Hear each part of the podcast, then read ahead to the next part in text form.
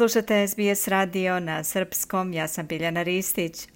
Ministar za rad, zapošljavanje, boračka i socijalna pitanja u vladi Srbije Nikola Selaković i ambasador Australije u Republici Srbiji njegova ekscelencija Daniel Emery potpisali su u petak 20. januara sporazum o socijalnoj sigurnosti Republike Srbije i Australije.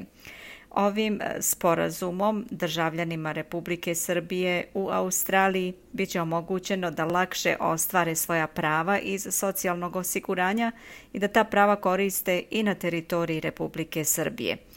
Detaljnije o tom sporazumu danas razgovaram sa ambasadorom Srbije u Kamberi njegovom ekscelencijom gospodinom Radetom Stefanovićem. Dobar dan gospodine Stefanoviću, dobrodošli u program SBS radija na srpskom. Dobar dan, hvala i vama i vašim slušalcima. Evo, posle punih deset godina, lepa vest za sve ljude koji bi želeli da ostvare prava iz penzijskog i invalidskog osiguranja. Ovaj sporazum, da kažem, bio je u pregovorima tokom mandata nekoliko diplomatskih predstavnika u obe zemlje. Možda da nas podsjetite prvo kako je tekao taj proces. Tako je, u pitanju su, kao što ste rekli u uvodu, zaista sjajne vesti. To sam, ako se sećate, i najavio prilikom da. našeg božićnog razgovora. Sporazum je konačno potpisan i sporazum o socijalnoj sigurnosti i administrativni dogovor koji prati taj sporazum, to je jedan tehnički dogovor, potpisan je konačno 20. januara u Beogradu i S obzirom na brojnost pripadnika, ovo jeste, kao što ste rekli, jedna duga, duga inicijativa i koja je poč započela praktično još 2007.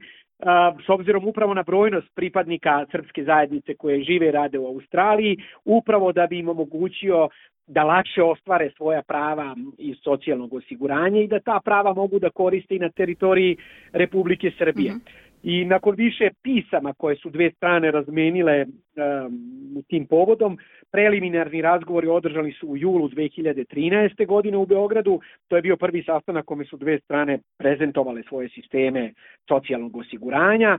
Pregovori su zatim nastavljeni u septembru 2015. a zatim imali jednu zaista dugu pauzu, ne bih sada da, da. se vraćam na, na razloge za to da, da ostanemo pozitivni.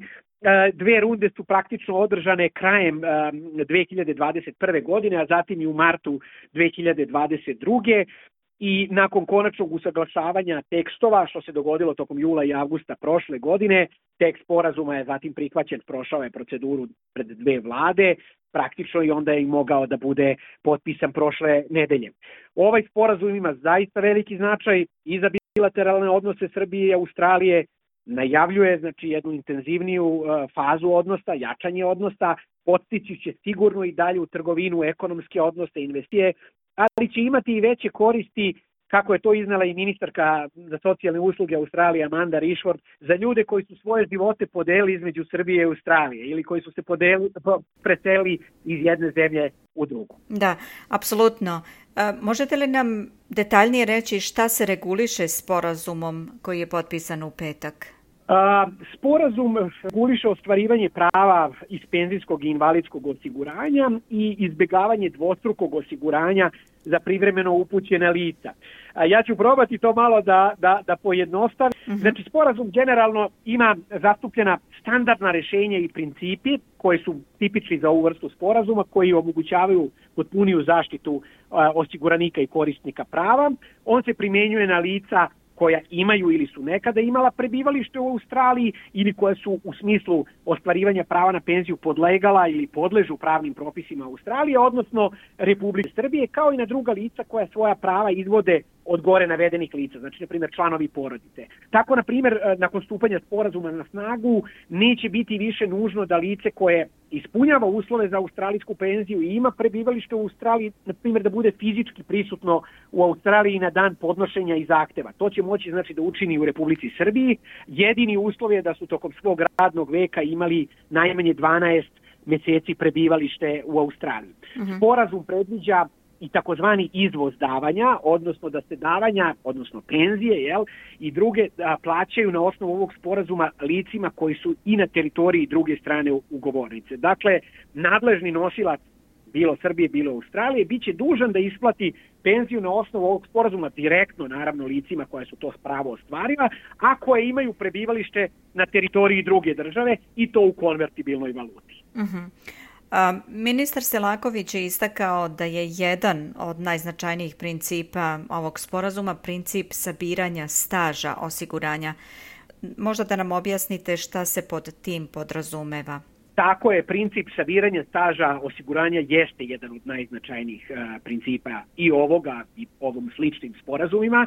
A, to podrazumeva da ukoliko je navršeni staž osiguranja, znači u procesu ostvarivanja prava na penziju na teritoriji jedne države ugovornice nije dovoljan za ostvarivanje prava na penziju, u drugoj ta država će uzeti u obzir i staž osiguranja koji je navršen u onoj drugoj državi ugovornici s tim što se visina penzija određuje srazmerno dužini staža osiguranja u svakoj državi. Dakle, ako se podnosi na primer zahtjev za ostvarivanje prava na penziju u Australiju, uzeće se u obzir doprinos i period staža osiguranja koji je navršen na primjer, prethodno u Republici Srbiji. Ako je, na primjer, lice 5 godina ili 10 godina radilo u Srbiji, ostatak svog radnog veka je prodalo u Australiji, tih 5 ili 10 godina taj period osiguranja koji je ostan u Srbiji moći će da bude uračunat prilikom ispunjavanja uslova a, za penziju i ovde u Australiji. Uh mhm.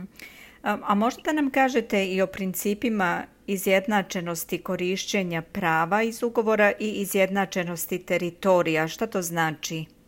A, pominuto podrazumeva naravno tamo uvek u svakom sporazumu piše ukoliko nije drugačije predviđeno, da. ali generalno da strane ugovornice a, tretiraju ravnopravno sva lica na koja se ovaj sporazum odnosi u pogledu njihovih prava i obaveza u vezi sa ispunjavanjem uslova i isplatom davanja koji su ostvaruju bilo neposrednom primjenom uh, propisa u toj državi ili na osnovu ovog sporazuma.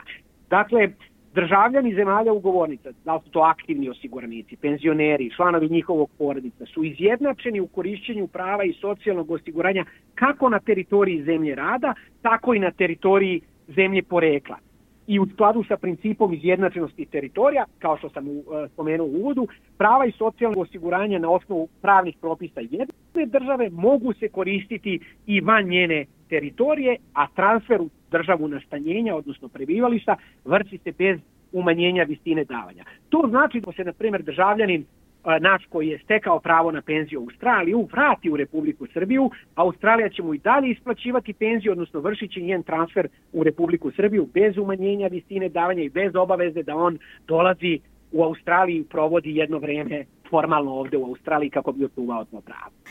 Možda da podsjetimo i da se obaveza na socijalno osiguranje određuje prema propisima zemlje rada, ali da postoje izuzeci iz načela. Koji su to izuzeci?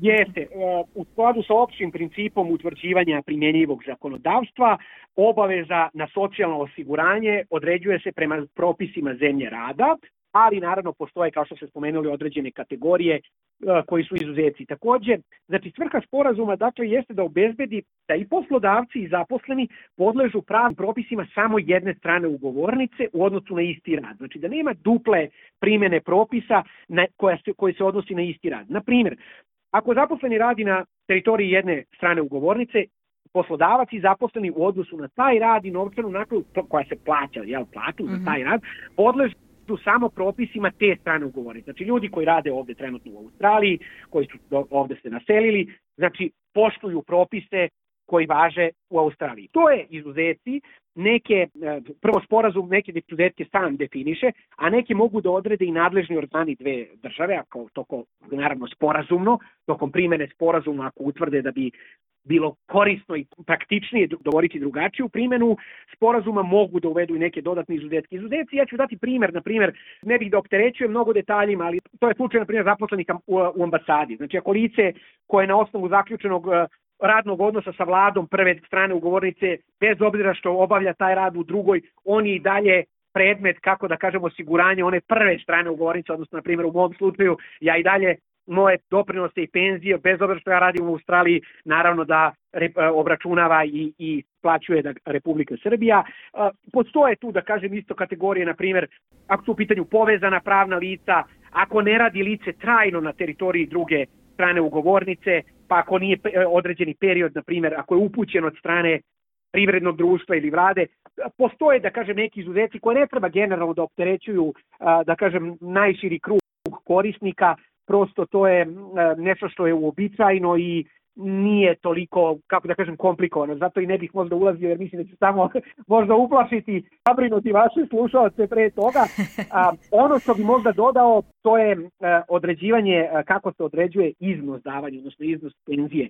Jer mhm. nama, naime, poslednjih dana se javljaju zaista ambasade brojni naši građani sa različitim upitima na koje iskreno ambasada ne može da da odgovor, tipa kolika će mi biti penzija i tome slično. To nije u nadležnosti ambasade, to je u nadležnosti organa za vezu, to je vrlo komplikovan obračun, e, mislim, utvrđivanje proporcionalnog iznosa davanja u odnosu na priod, podela sa brojem meseci, to, kako, da kažem, na davanje, odnosno kako na prava koje su ostvarene u Australiji, tako i na davanja koje su ostvarene u Srbiji. To će svakako uraditi nadležni organi i ljudi koji se time ekspertski bave, tako da to u ovom trutku takav odgovor ja ne mogu da dam, ali Ono što jeste važno, ponavljam, da je zahtev za ostvarivanje tog prava ili bilo kakvo obaveštenje, žalba koja se isplaćuje na osnovu ovog sporazuma može podneti na teritoriji bilo koje strane ugovornice.